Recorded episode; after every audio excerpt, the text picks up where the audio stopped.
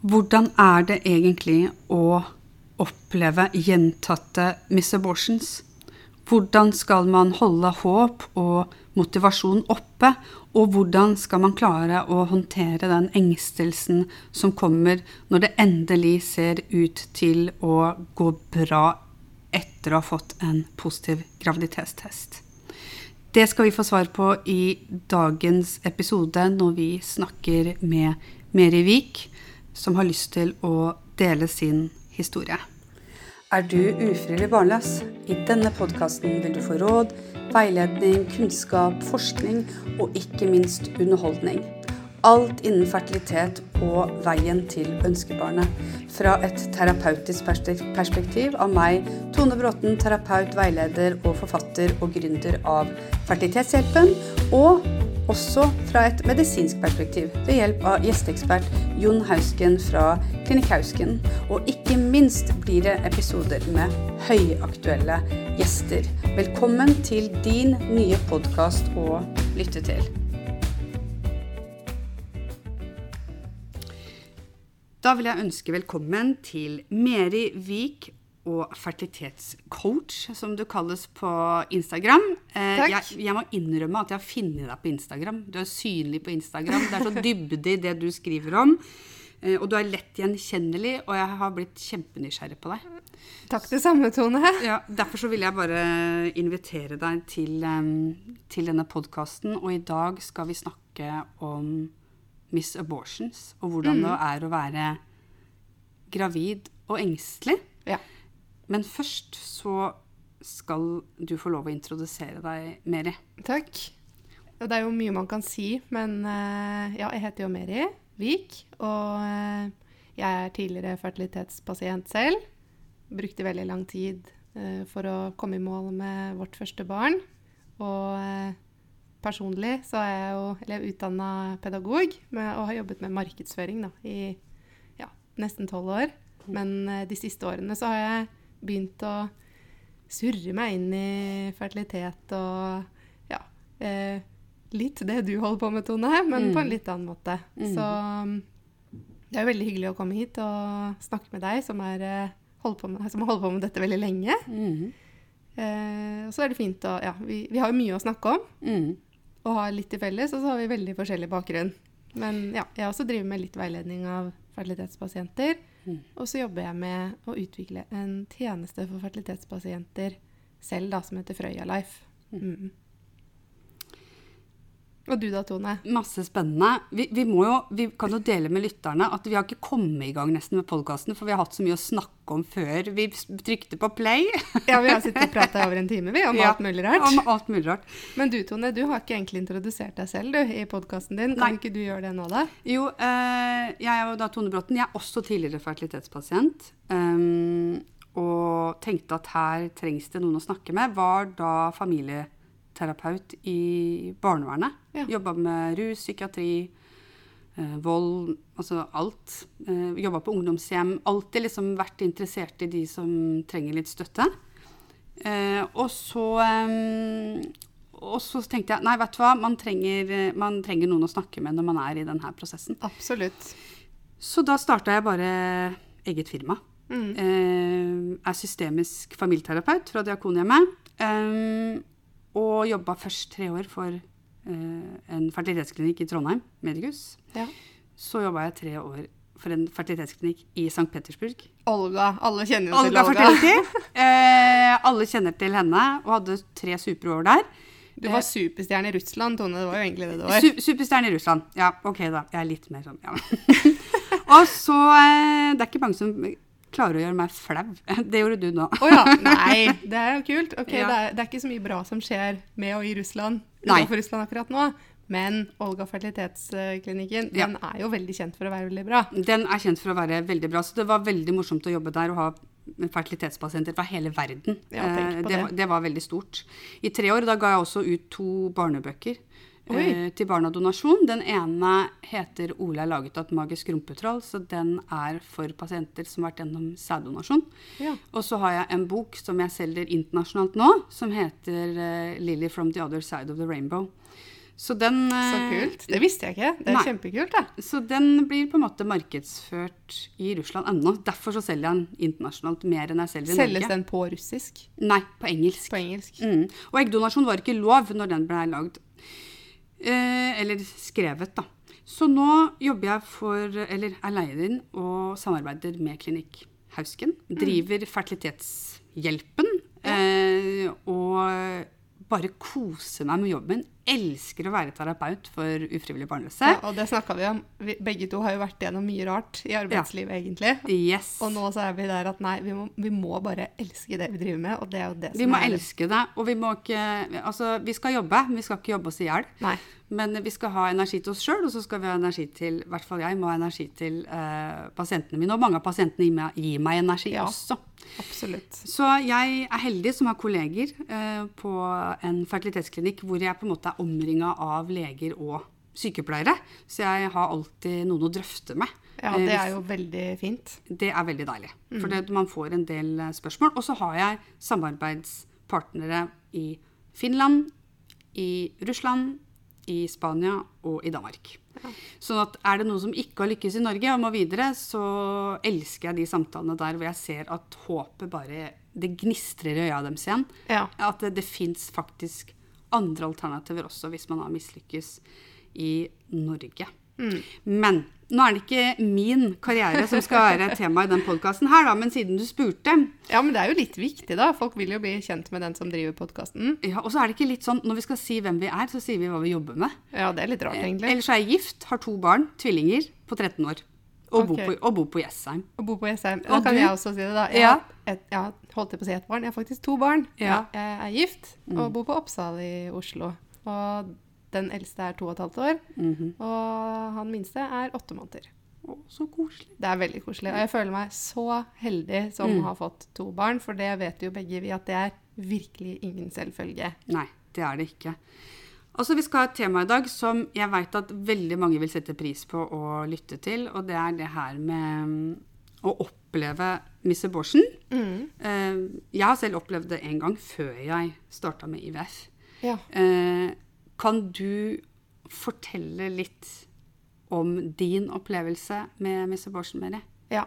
Først så er det jo sånn at for de som ikke vet hva Miss Abortion er, så er det en type spontanabort, men ikke spontan, da. Det er jo rett og slett at fosteret eller embryoet slutter å utvikle seg um, før uke 22. Mm. Uh, og så oppdages det en eller annen gang i den perioden på ultralyd at det ikke lenger er liv, da.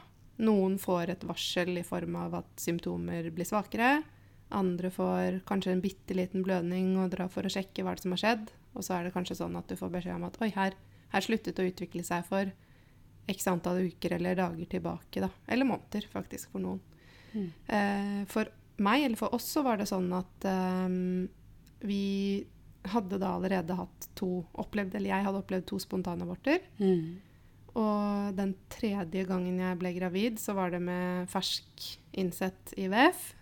Og ehm, jeg fikk positiv test, og de ringte fra Rikshospitalet, der vi var på den tiden, og sa at eh, HCG-prøven var fin, mm.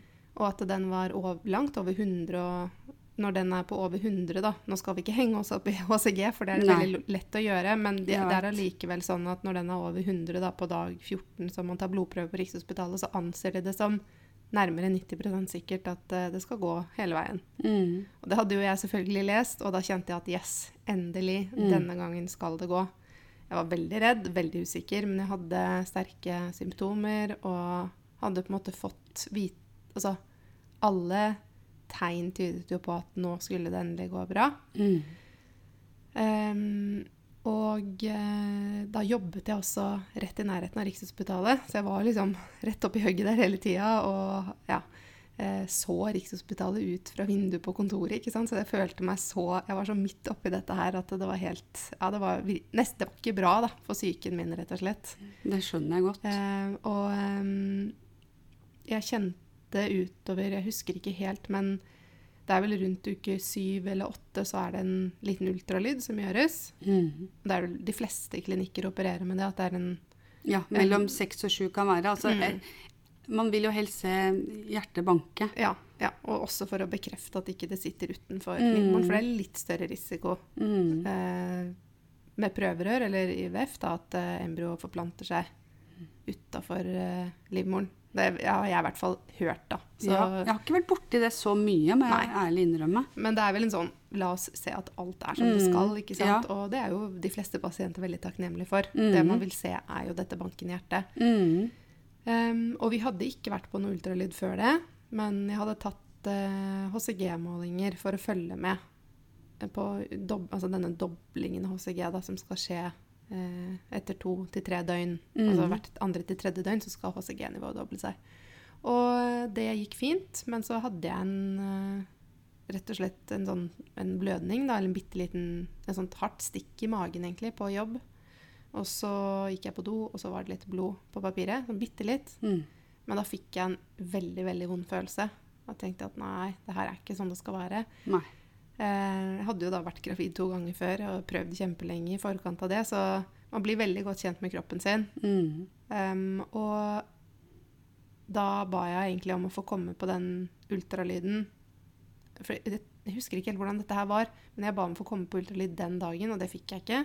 Ringte fastlegen, som hadde fulgt meg hele veien, og sa at «Nei, men, men kom hit, da. Altså jeg fikk komme dit for å bare i hvert fall prate. Og så tok han en ultralyd, men sa til meg at han kan ikke dette her, det er ikke hans jobb, men han kan jo se om han ser noe. Han fant ikke noen ting på den ultralyden. Og da tenkte jeg man skal finne noe i uke åtte. Mm. Det skal du. Ja. Og så prøvde han å berolige meg og si at nei, men det er ikke min ekspertise. Og så, men jeg visste at det var noe galt. Men da måtte jeg altså vente helt til mandag eller tirsdag uka etter. da. Det høres ikke så lenge ut, kanskje, men det er veldig lenge når du går og tenker er det liv, er det ikke Mm. liv. Eh, ja. Og da kom jeg meg på Rikshospitalet den mandag morgen og hadde akkurat fått svar på den sånn HCG-blodprøva at den hadde steget, men det var liksom ikke helt dobling. Og da kjente jeg sånn nei, nei, nei, nei. Og så vondt. Ja, så den bussturen der det er noe av det verste jeg har vært med på i hele mitt liv, altså. Til Rikshospitalet hjemmefra. Mm. Jeg, satt, jeg visste at vi kommer dit for å få den beskjeden. Og jeg visste at eh, Jeg visste at liksom dette her, det, det ender jo ikke bra. Eh, samtidig som jeg holdt på et sånt derre kunstig håp av et eller annet slag, da. Ja, Man gjør jo det, ikke sant. Man håper til siste slutt. absolutt. Heldigvis også, på en måte. Ja. Ellers hadde jo ingen orket å holde på med det her. Nei, håpet er det siste som, Ja. eh, det siste som går. Mm. Så kom vi dit, og mannen min, som er altså så støttende og fantastisk, var jo også prøvde å si at men kanskje det går bra, la oss ikke ta alle sorgene på forskudd. Og Mm. sant, støttet og ja. Og så kom vi dit, og det gikk jo veldig kort tid fra den proben ble plassert i skjeden til de så at nei, her, her er det ikke noe banknerte. De så fosteranlegget, men det hadde sluttet å utvikle seg i uke fem, da. Mm. Så jeg hadde jo gått i Det her var i slutten av, slutten av uke åtte, så jeg hadde jo gått en måned nesten. Eller en måned i hvert fall, da. Med, med ikke Altså med et dødt fosteranlegg i magen. Mm, og eh, nesten to måneder da, som gravid, trodde jeg. Endelig. Det er lenge, da. For meg var det veldig lenge. To, altså to måneder så kan du planlegge ganske fint oppi hodet ditt hvordan det er å bli mor, og hvordan dette skal være, og forberede ja. seg. Og så To var det for tredje gang. lenge. Det var jo for tredje gang også Mm. at jeg var gravid, så det var Og så var det også den der Nei, det skjer ikke en tredje gang. Altså, det kan ikke skje, liksom. Nei, men det gjør dessverre det for noen. da. Mm. 1 1 opplever faktisk tre eller flere spontanaborter på Ja. rad. Og så blir man vel ikke helt sånn altså De sier jo det at hvis man skal få utredning i forhold til abortuell abort, så skal det gå Så skal man på en måte måtte ha tre abortions, miss abortions. Ja, og det er ikke det, sånn at det er noen automatisk oppfølging da heller. Nei. Og det er det som gjør meg så sur. Ok. Eh, jeg skrev en kronikk om det i, Ja. her om dagen. ja. Eh, nei, måten Man følges for dårlig opp, rett og slett. Både etter spontanabort, mm. missed abortion, habituell abort. Skjedde ingenting. Jeg fikk eh, endte opp med utskrapning noen dager etterpå på Ullevål. Mm. Ventet noen dager for å se om kroppen begynte å rydde opp selv. Den gjorde ikke det. Nei. Eh, Så det ble utskrapning i narkose. Mm. Um, og ja, den opplevelsen også var jo ikke spesielt bra. Um, Men fikk du altså de her tablettene som mange som har opplevd misabortion, forteller om. Ja. Altså de blir sendt hjem med tabletter. Og du, jeg har hørt så mange triste historier om akkurat det der. Ja. Hvor, de på en måte, hvor mannen blir kjemperedd, de blir kjemperedde, de blir liggende på badegulvet, noen blir henta ambulanse. Altså, Ja. Det er kanskje enda vanligere hvis man skal ta denne aborten hjemme, Mm. altså mm, medisinsk. Mm. Nå ble det kirurgisk på meg, da. Mm. Fordi det både hadde, det var tredje gangen, det hadde Mm. vært gått så lang tid fra det hadde skjedd. Altså det var Jeg kunne få medisinsk, Mm. men etter samtale med min lege, da, så ble vi enige om at kirurgisk var best, fordi det var et eller annet på ultralyden som Jeg husker faktisk ikke helt hvorfor det ble sånn, og jeg var også, hadde nok også litt lyst til det. Jeg hadde nylig gått gjennom to spontanaborter hjemme, var kjemperedd for de smertene. mm. Jeg tror jeg tryglet omtrent om og kan jeg ikke bare få lov å sove mens det skjer denne gangen. Jeg orker ikke mer. Så godt at du klarte å sette ord på det. At eh, vær så snill, eh, Ja. gjør det så Ja, da var jeg så dypt eh, nede. Ja. Så jeg Det høres jo helt sykt ut å si, men jeg var jo glad for at jeg fikk ligge i narkose. Ja. Samtidig så er det sånn at i hvert fall i, der, jeg- der jeg gjennomførte dette, da, så ligger man jo på et stort observasjonsrom ved siden av andre som gjennomfører eh, selvbestemt abort. Mm. Det er to veldig ulike pasientgrupper. Å, så vondt. Ja, eh, så det var en som lå ved siden av meg, men vi hadde en skillegård innimellom, som jeg overhørte si at eh, jeg er glad for at jeg oppdaget det før uke tolv. Og den setninga satt, tenker jeg. Ja, og det har svidd seg fast i minnet Ja. mitt, og da tenkte jeg sånn jeg, jeg er veldig glad for at vi i Norge har en Altså at man kan gjennomføre selvbestemt abort. Ja. Eh, det er viktig for både både altså, likestilling, det er viktig for så mange ting. Mm. Men det føltes ganske uverdig å ligge der og vente på at de skulle skrape ut resten av Eller dette. Som ikke levde lenger hos meg, som jeg ønsket så sterkt, ved Mm. siden av en som omtrent high fiva med sykepleieren fordi hun hadde oppdaget det tidsnok. Hvordan klarte du etter den opplevelsen, altså tredje gangen, eh, å holde håp og motivasjon oppe? For det ser jeg jo det er, det er jo liksom Mange pasienter sliter jo med det å tenke vet du hva, jeg vil bare få Miss Abortion, og de forventer nærmest at neste gang vil bli det samme. Når de ser den her positive testen, så, så er det ikke glede lenger. Det er mer frykt og redsel og engstelse. Ja. Hvordan klarte du å komme deg videre fra å ligge der, høre denne setningen, skrape ut, og så, og så eh, fortsette å prøve å få barn, liksom?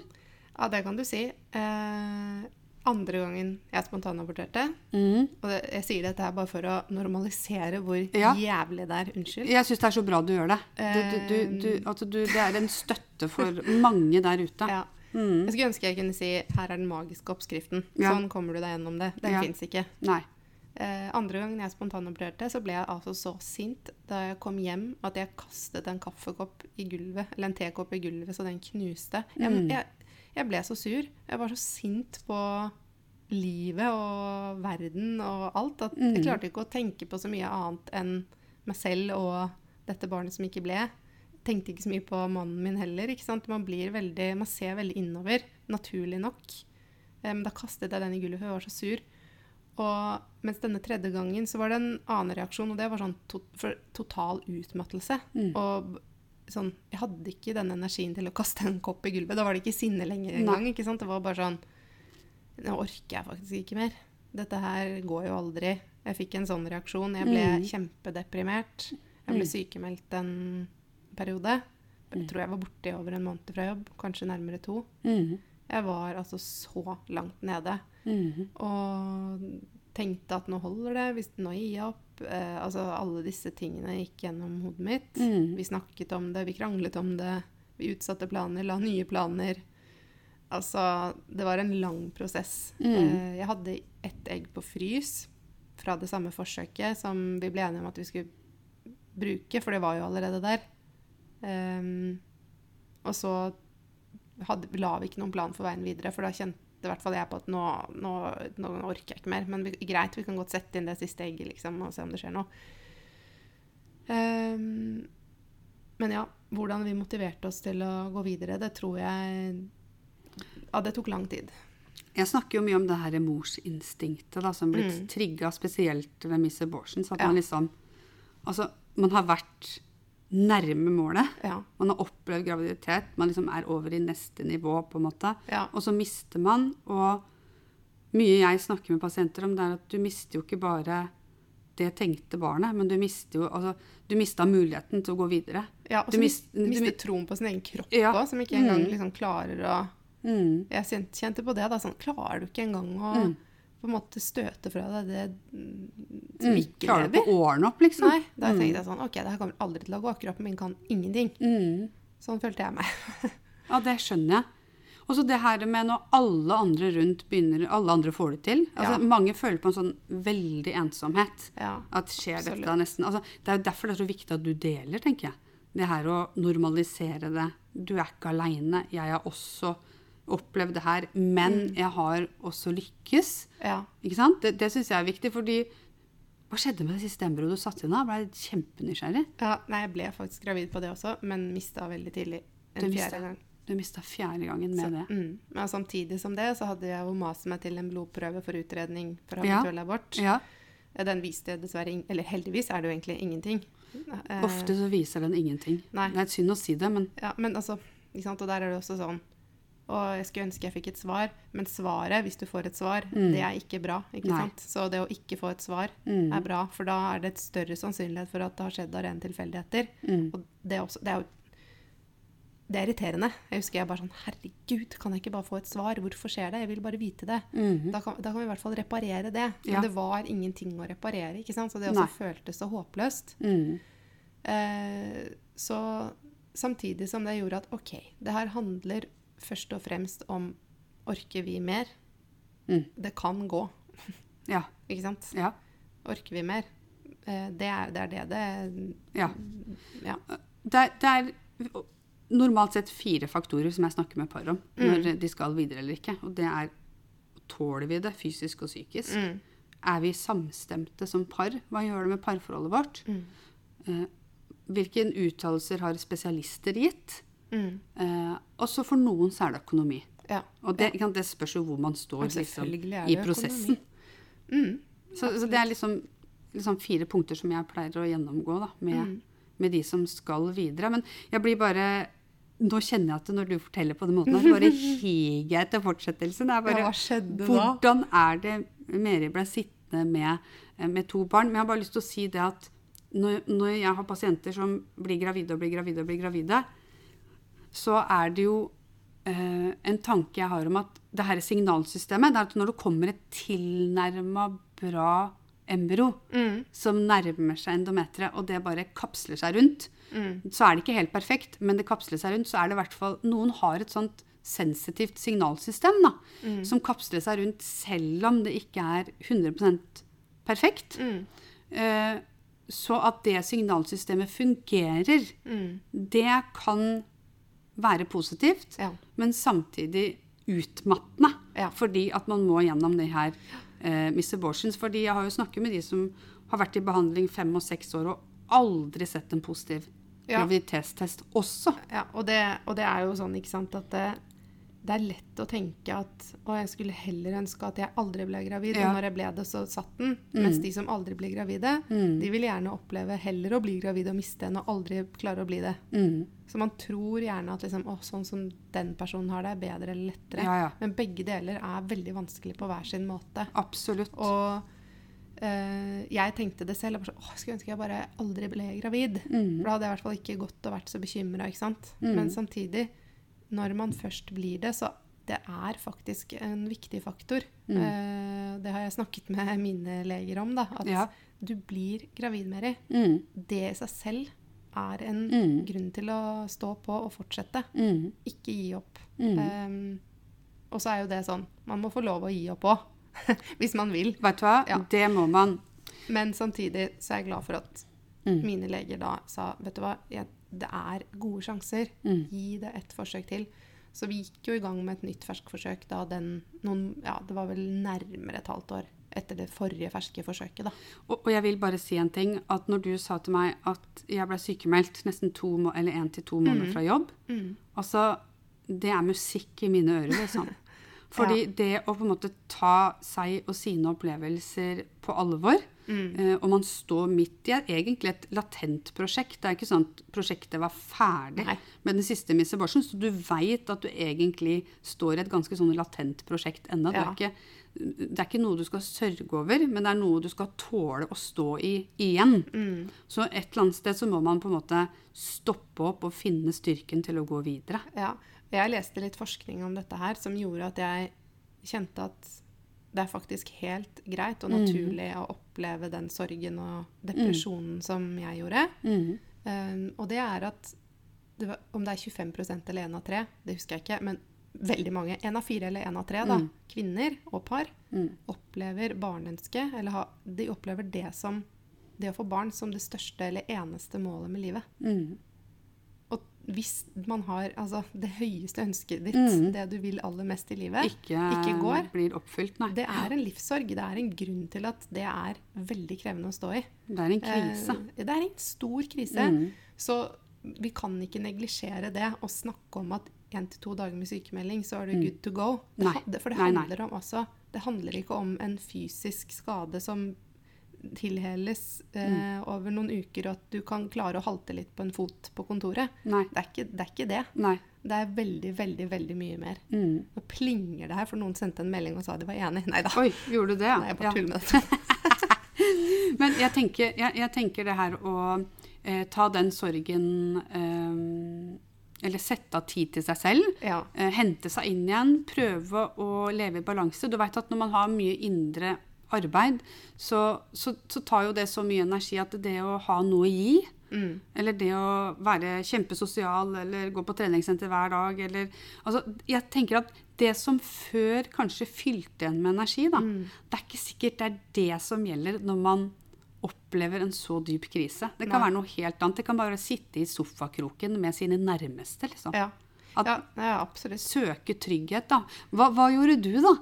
Hva gjorde jeg? Jeg har jo alltid vært veldig glad i å trene. Ja. Eh, Så for meg, så, og det er jo sånn litt klisjé, fysisk aktivitet, men det handler Men det ikke om sant. det. Det er sant, Mm. men det var, ikke, det var ikke Målet her var på en måte ikke fysisk aktivitet. Nei. Målet var at jeg måtte ha et prosjekt Mm. som handlet om noe annet Mm. enn det å få barn.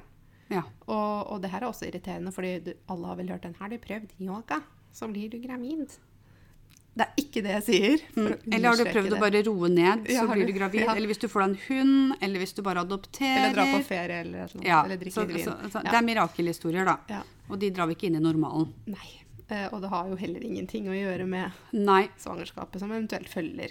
Mm. Men det jeg gjorde, det var at jeg kjente at OK, jeg skal fortsette å trene, Mm. men jeg skal også Jeg må lære meg å roe ned hodet mitt. Ja. Fordi tankekjør, Mm. det er min Var i hvert fall min ekspertise. Ja. Googling, tankekjør, Mm. og aldri få skrudd av hodet. ja. Så jeg startet med yin-yoga. eh, Så som, spennende. ja, som er sånn medit liksom meditativ, veldig rolig yoga. Ja. Eh, og bare fordi at jeg tenkte at der må jeg ligge stille. Jeg, ja. En time. jeg kan ikke løpe rundt, liksom. Noen tvinger meg til Og så forteller de sånn nå, Og det er sånne lange Altså sakte bevegelser. Ja. Du ligger på Er er, det, sånn stretch, er det mye stretching Ja, mye stretching. Ja, for da har jeg vært på det en gang, faktisk. Ja, det er krevende, altså, men det, er, det er veldig rolig yoga, da. Eh, fo veldig fokus på pusten. Og så er det en lang eh, avslutning med sånn shavasana, eller meditasjon, da. Ja. På sånn 20 minutter og sånn, på noen av de lengste timene sånn, Å, på det senteret jeg deilig. Ja, og jeg gjorde det her på Sats eh, hovedsakelig, og Ja. Hi-yoga, da. Eller de har en sånn yogapartnerstudio. Ja, ja, ja, ja, ja. Så jeg dro på det hver dag. Altså, nå- Hver dag. hver dag. For jeg var sånn Det skal jeg gjøre. Ja. Jeg måtte, jeg måtte ha et prosjekt. Og samtidig, ofte kombinerte jeg det med å trene et eller annet annet først. Mm. Og så dro jeg på en yogatime med yin-yoga. Mm. Og jeg ble kjent med de yogainstruktørene, for de så meg jo hver dag og lurte på hvem hva ja, ja. du holdt Hva på med. er det du er her? Ja, Hver dag. er du her hver dag Hver eneste dag. Ja. Mm. Så snakket jeg med dem og sa hvorfor. Og da fikk jeg, og de var sånn Oi, shit. Eh, de syntes jo veldig synd på meg. Hun ene begynte å grine, og det var veldig fint å på en måte møte noen som bare sånn Ja, men kom her. Du Ja. kan være her, og her er det Mm. trygt. Og eh, det var veldig fint. Eh, jeg ble bedre på å roe ned. Jeg brukte de samme teknikkene, og bruker fortsatt de teknikkene for å sovne på kvelden. Ja. Eh, gjør sånn kroppsskanning hver kveld, mm. uten å overdrive, for å sovne. Og også hvis jeg våkner på natta og har For jeg har fortsatt tankekjør. Ja. Jeg er prega for livet av det, tror jeg. Eh, ja. De spinner og spinner og spinner. Og spinner Ja. Og så er du sikkert en sensitiv og veldig interessant person, tror jeg. Det kan hende. Eh, og at man kan også ha At det kan være en styrke å være Mm. så sensitiv, men at det kan også være veldig slitsomt Ja, det kan det. hvis det skjer mye. Men mindfulness òg er jo veldig I hvert fall Ja. det har jeg brukt mye. Altså, det her er jo Det er jo en type mindfulness, da. Ja. Mm. Eh, jeg må bare dele det, for jeg syns det er veldig fint. Vi snakka liksom om uh, det her før vi gikk på lufta. Ja. om uh, det her med utbrenthet osv. Jeg har bare lyst til å dele det. For at i mitt hjem en periode Ja. så var det sånn at jeg lukket igjen døra, så sa jeg eh, nå skal mamma gjøre mindfulness. Og da var det ingen som kom inn. Eh, og det var liksom min Da var det varmeteppe og mindfulness, og så lå jeg der aleine og, og bare hadde guida meditasjoner, eller bare var musikk, eller Men det her å roe ned nervesystemet, Mm. det tror jeg er veldig viktig. Men det også å være sin aller beste venn, Ja. eh, det å tørre å si nei, det å sette grenser, det Ja. å ta seg sjøl først, Absolutt. Eh, det er superviktig. Hva er det jeg trenger nå? Mm. Til tider så kan det være fint å se på seg sjøl som et lite sensitivt barn som trenger nærhet, Mm. kjærlighet, omsorg. Og så i perioder, hvis man er i skikkelig dype kriser, se på de helt banale behova. Hvordan er det med spising? Hvordan er det med soving? Hvordan er det med aktivitet? Hvordan er det med hvile? Og fokusere på det og bygge seg sakte, men sikkert eh, opp igjen. Ja, og det er det jeg følte at jeg gjorde. Mhm. Jeg også brukte god tid på å lage mat. Jeg elsker å lage mat. Det er min, en av mine store lidenskaper. Altså, jeg elsker så å lage gøy. mat. Ja, Så bra for mannen din, da. han er, lager mer mat enn meg nå, men oh, ja. det er en annen historie. han har litt okay. mer tålmodighet enn meg. Ja, okay. Men eh, nei, vi, det også det var fint å få tid, Mm. eller bruke tid til, få tid til å ha feil. Ja. Jeg måtte, ti- altså jeg måtte heles, rett og slett, da. Eh, For å klare å fungere i hverdagen. ja. For å klare å jobbe. Men nå må vi videre i historien. Jeg, Ja, okay. sitter, bare, jeg sitter på sånn der alerten. Altså, hva skjedde? Dere begynte med et forsøk til. Ja, nytt ferskforsøk. Eh, Det satt langt inne. Men samtidig så var det jo noe med det her. Jeg hadde klart å finne litt mer ro. Jeg Ja. hadde hatt en ferie. Vi dro på kjærestetur til, eh, til Korsika. Ja. Eh, Prøvde selvfølgelig å bli gravid mens vi var der. ja selvfølgelig. Hver måned. Mm. Ja, ble ikke det. Men vi hadde en supertur. Fikk Ja. lada batteriene. Ja. Og det å komme tilbake til et nytt forsøk med den her nye energien, det var jo så bra. Ja, Fordi at så da- fint. Ja. Og det var ikke sånn at den Jeg har aldri hatt noen sånn blastocyster og Å, fantastiske uttak og sånn. Nei. nei. Langt under, altså under gjennomsnittet på kvalitet og alt dette der. Så det er Ja. ikke noen sånn eh, fantastisk historie sånn sett. Men vi hadde et ferskforsøk til. To embryoer som levde på dag tre. Mhm. Begge ble satt inn fordi jeg hadde hatt den historikken min. Mm. Uh, Så jeg fikk satt inn de to, fordi at den ene som eventuelt ikke skulle settes inn, var ikke bra nok til å bli fryst. Mm. Så det var liksom, vi kan like gjerne sette den inn og se om dette øker sjansen. Og jeg ble gravid. Med tvillinger. Oi. Mm. Så uh, ja, jeg ble gravid, oppdaget det på vei hjem fra Budapest på flyet. Kjente kvalmen og bare Å ja, jeg er gravid. Jeg skjønte det, for jeg hadde jo vært det da fire ganger tidligere. ja, så du begynte å kjenne symptomene? å skjønne, ja, skjønte, mm. skjønte at det var det. Neste morgen tok jeg en graviditetstest. Det var vel dagen før blodprøvesvar da, på Mm. Rikshospitalet. Mm. Eh, og den ble positiv. Og den, rett før jeg skulle til Rikshospitalet, så hadde jeg en blødning. Og så tenkte jeg nei, Nei, nei, nei, nei. Er det mulig? Ja, er det mulig? Er det mulig? Kunne jeg ikke bare latt være å tatt den testen, liksom? Så hadde jeg bare hatt mensen, og så Ja, ble jeg ikke gravid, og så kunne jeg gått videre. hadde vært bedre. Nesten. Ja. Men så da må du inn da, og ta blodprøve allikevel, sant? Ja. Så jeg dro inn, og HCG-en var jo kjempehøy. Mhm. Så da tenkte jeg OK. Og da måtte jeg gå da, og vente og vente og vente de neste dagene. Hva skjer? Jeg hadde litt blødninger av og på. Skjedde ikke noe særlig mer. Mm. Sånn var det, da. Det var Ja. helt forferdelig. Ja, Altså, det er fælt. ja. Altså, Jeg har vært der sjøl. Jeg ble jo gravid med tvillinger og begynte å blø. Var sikker på at jeg hadde mista. Mm. Ja, jeg visste jo ikke at jeg var gravid med tvillinger enda Du visste det ikke. Nei, for jeg hadde jo bare en positiv, fått en positiv graviditet. Men du hadde høy HCG, da, så det var liksom Ja. Mm. Så det, jeg tenkte jo at sånn Å, kanskje det er én som faller. Mm, Ja, kanskje, ikke sant? mm. Kanskje jeg har én, kanskje jeg har to. Ja. Og på den første ultralyden da, som gjennomføres, som vi snakket om i stad, så var det to fosteranlegg. Ja. Eh, det ble konstatert at her er det tvillingsvangerskap. Ja. Men de så at den ene var litt eh, mer utviklet enn den andre. Det er jo Ja. bitte smått fortsatt, ikke sant, i uke syv. Mm. Kjempelite. Mm. Så da sa de at eh, vi er litt usikre på den andre der. Eh, men jeg ser en puls. Vet ikke om det er pulsen i fosteranlegget, eller om det er pulsen din. Oi. Ja, fordi det er så lite, og så Ja, ja, jeg lå de litt liksom bak det. hverandre. Så det var et eller annet, og man sa på en måte at det kan gå bra, det kan ikke gå bra. Vi Mm. klarer ikke å konkludere med noe mer enn det nå, så du får komme tilbake om jeg tror det var tre uker. Mm. Så da gikk jeg i tre uker og småblødde og var livredd og hadde det altså så forferdelig. Jeg var så redd. Fordi Og jeg syns så synd på deg. Ja. Jeg får helt vondt Ja. når du forteller. ja, Nei, jeg hadde det ikke bra. Nei, Eh, det hadde du ikke. Det kan jeg forstå. Nei, det var helt, helt forferdelig. Mm. Uh, ja, for da, da tenkte jeg jo, og fikk også beskjed om at kroppen kan finne ut at den vil støte fra seg alt hvis Mm. den ene faller fra. Mm. Og da var jeg så sur på meg selv for at jeg hadde satt inn disse to. Ja, ikke sånn, sant. hvorfor Begynte å angripe deg sjøl. Ja, Mm. og bebreidet meg selv og gikk gjennom alle disse greiene her. Mm. Og håpet jo at begge skulle overleve, håpet at én skulle overleve. Altså det, ja. Men tenkte også, rakk å tenke oi, hvordan blir det å bli tvillingmamma? ikke sant? Det er jo veldig mange. Mm. Så var jeg veldig glad, og så var jeg veldig lei meg, og så var jeg håpefull, og så var jeg negativ. Frem og tilbake.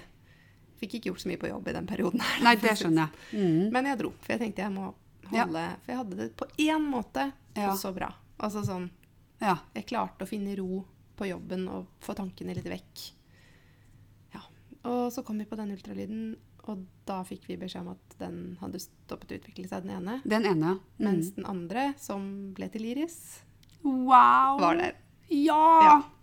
Så oh. ja. Nå, Nå begynte jeg nesten å gråte. Ja, for nå venta jeg liksom på at bare ikke si at det der gikk Nei, dårlig det år, liksom. Å, så Ja, Nå begynte jeg å gråte, for det var faktisk ja, Det er den største opplevelsen i mitt liv. Er det sant? Mm. Hvor langt hadde du kommet da? Jeg tror det var i uke Da var det uke tolv, da. Tidlig ultralyd. Mm. Uken elleve, elleve, tror jeg det var. Men de tolv ukene der Ja. Det her å ha tro på at det her skal gå Prøve å bare Altså, jeg må ha tro på det.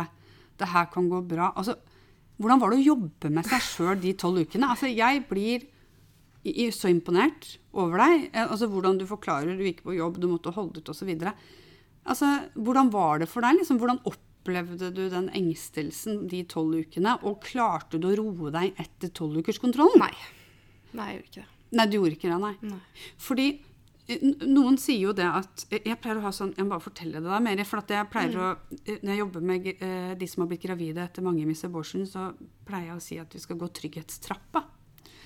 Og trygghetstrappa, det er liksom Da skal man gå de her trinnene opp før man lager en ramme for når man tenker man kan føle seg trygg. Ja.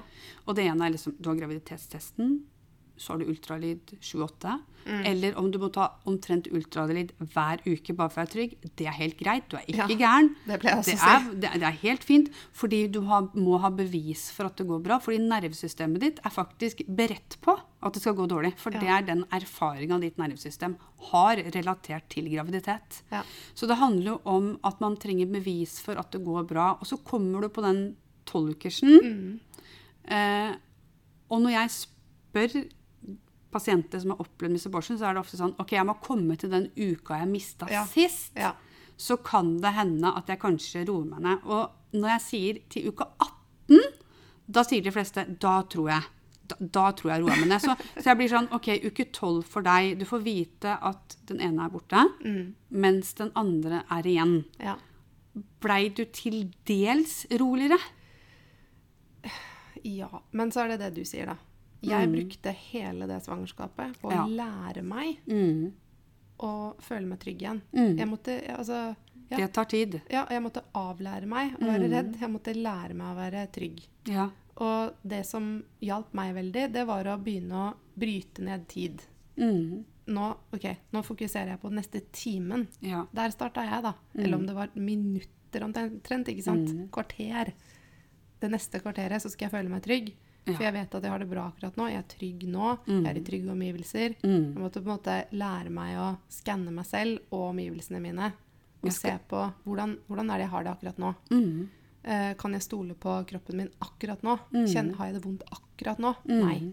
Og så begynte jeg å utvide disse lommene med tid da, til en Mm. time. Til, frem til lunsj. I dag.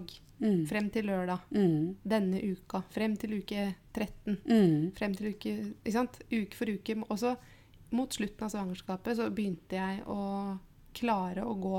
Og det høres kanskje ko-ko ut for noen, Nei. men Ingenting høres ko-ko ut. ko-ko. Jeg klarte da å gå sånn fire-fem uker uten ultralyd, da. Mm. Eh, eller en sjekk hos jordmor. Ja. Og jeg tenker, hvis man har prøvd Si man har prøvd i tre år da, å få Mm. barn. Mm. Eh, og så har man tatt en test, og så vet man Er man f.eks. seks uker gravid. Mm. Og så skal liksom seks uker overbevisning kjempe mot tre år.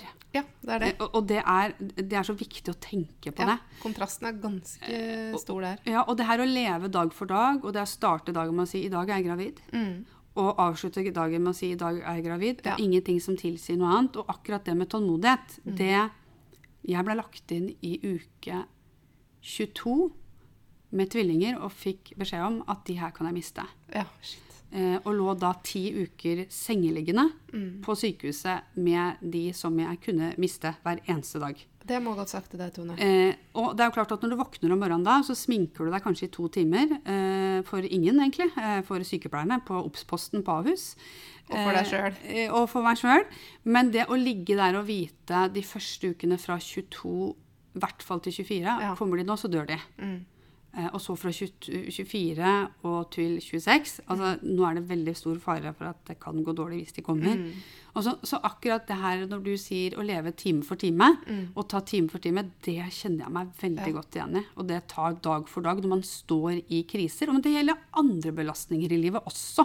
Ja, ja, Det er sånn, jeg husker jeg jobba, eh, jobba da jobba jeg ikke her, men jeg jobba et annet sted. Og da hadde vi sånn Hvis det var en kollega som var under belastning, ja. så da var det sånn Hvordan har du i dag? Er det time for time i dag? Mm. Eh, nei, nå har det blitt dag for dag. Det er ok, sånn, yes. Fint! Progress. Okay, Ok, ok. Men nei, i dag tenker jeg faktisk eh, positivt én uke frem. Mm. Så det er så viktig det du sier der. Det her å stykke ned tida. Det du tåler, rammen av tid, tid du tåler å tenke på. For du Ja. orker ikke å tenke så langt frem. Nei. Det blir for langt, det blir for diffust. Og så er det også noe med det at man må også tillate seg selv å være redd og bekymret. Og akseptere den følelsen. Mm. Fordi man har lært Sånn som, sånn som jeg, jeg har skrevet en del om det der at jeg forvent, altså forventningen min var at Mm. alt går galt til slutt. Ja, ikke sant? Og dette er et typisk, da. Ikke sant? Men det kan det være hvis man har et løvetannsbarn til pasient, og som sier at Mm. det her er veldig typisk meg, for at det her og det her og det her har også skjedd i mitt sant? liv.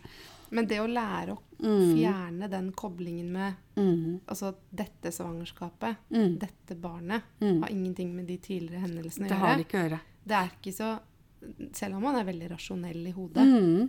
så er det noe som du sier at nervesystemet har lært seg noe annet. Lært seg noe helt annet. Og det, man må ha bevisførsel, og så er det nå å tenke at hvert eneste nye embryo er en ny sjanse. Ikke sant? Det, altså, det embryoet aldri før eksistert. Nei. Gjett om jeg sa det til mamma selv om mange Ja, ja, ganger. ja. Og, det er jo liksom, og jeg skjønner at det er vanskelig å tro, liksom. Og, og man tenker at det er sikkert vilkår i livmor, det er et eller annet som gjør altså, Vi damer er jo av en eller annen merkelig grunn så utrolig gode på å angripe oss sjøl.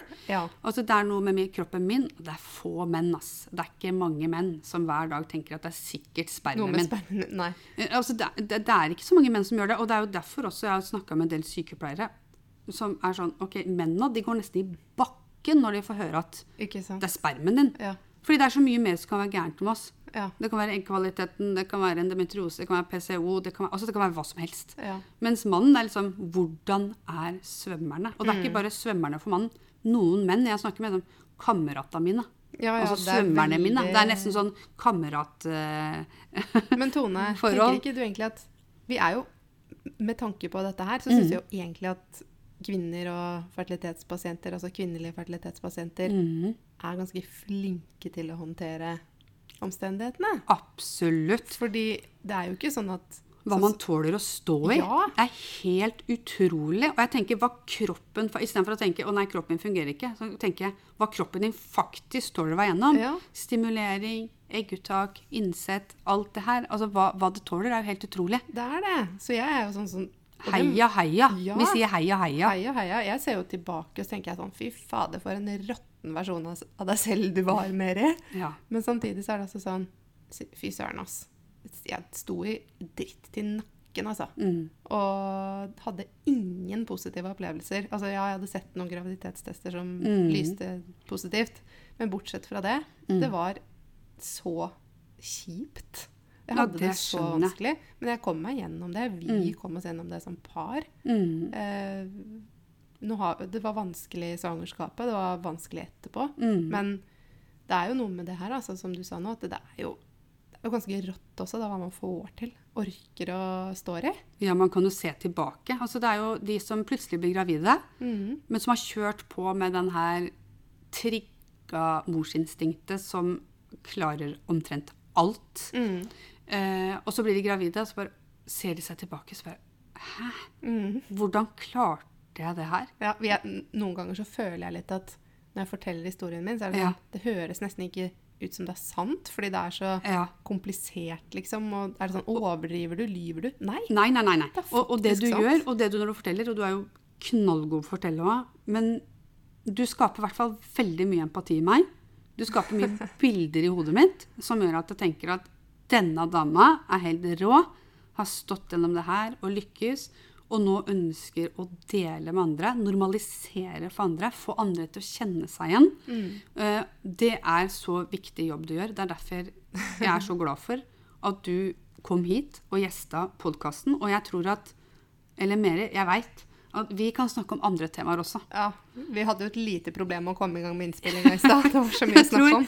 jeg tror liksom, Nå har vi fått avgrensa det til det vi skulle. Ja. Vi skulle snakke om det her med Miss Abortions og det her med å være engstelig gravid. Mm. Eh, Jeg, har også, jeg ønsker mer å snakke om de her som må ta tabletter, gå hjem og gjøre det selv. Det syns jeg er helt forferdelig. Jeg har så mange Ja. dårlige historier om det. Men, og ivaretagelse, ikke minst. Hvordan Mm. blir man ivaretatt etter Misseborsen? Får man en samtale etterpå av klinikken man er på? Nei? Det er mange som klager over det. Og også det her med eh, å, å, å- bli sendt hjem med de her tablettene, da, som, som jeg tenker også kan være en episode. Absolutt. Um, jeg tror vi skal begynne å runde av. Ja, men jeg må si én ting Ja, til, det må du. Ja, det må, Det jeg må må du. jo si det, for jeg har jo to barn. Ja, det har du. Oi, unnskyld. Ja, det har Og jeg tenkte, det er veldig mange som spør. Ja. For jeg glemmer av og til å fortelle, for den første var så, det var så komplisert. Ja. Og vi fikk jo barn nummer to, ja. og da klarte faktisk vi å bli gravide naturlig. ja det er jo Det er solskinnshistorie. Det er solskinnshistorie, og det sier ikke jeg for å si sånn Det fikser seg med nummer to. Nei, nei, Absolutt ikke. nei, altså. og det veit jeg du ikke gjør, for det, det, Men- det er du for smart til å Det si. Og, det, og du har opplevd for mye til å si det. Ja, Men allikevel så er det godt å høre. ja. Eh, fordi det fins jo nok av sekundære ja. som Mm. sliter med å bli gravide. Og det skal ikke jeg bagatellisere. Nei. For det er også en veldig stor sorg. Ja, så vi var jo forberedt på å gjøre Mm. hele bøtteballetten på nytt, da. Mm, Og slapp jo faktisk det. mm, Så jeg ville bare nevne det, da. At uh, vi har jo to barn i dag. ja. Og jeg har på en måte ser Jeg må bare si det, da. Og det å oppleve å bli gravid på den måten, ja. og ikke da først igjen, gå gjennom alt på veien, altså fertilitetsbehandlinger og Mm. spontanaborter og Mm, ditten og datten, Mm. det, det er en så stor kontrast ja. at jeg kjente sånn Å ja, Er det så er det enkelt, så liksom? enkelt å være gravid? Eller sånn i hodet, da. Er det så Å ja. Å ja, allerede i uke åtte? Oi sann. Slapp de to ukene med liksom, engstelse før Ja. blodprøve eller Ja. eh, altså, Og da tenkte jeg sånn derre Det er jammen meg ikke så rart, da. At det er vanskelig å sette seg inn i hvordan det er å være fertilitetspasient. Nei. Fordi for veldig mange Mm. Det er jo sånn at de fleste blir jo gravide nat altså, Ja. hjemme naturlig.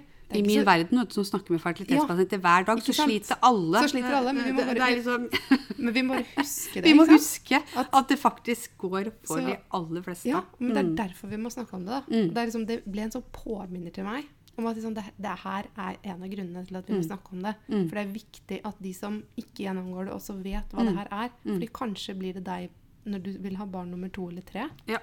Eller kanskje det er noen du kjenner som har det Mm. skikkelig kjipt. Og bare åpne opp om det. Når jeg var fertilitetspasient, så var det var ikke noe Instagram eller noe Facebook. Altså det var 13 år siden da. 14 år siden nå.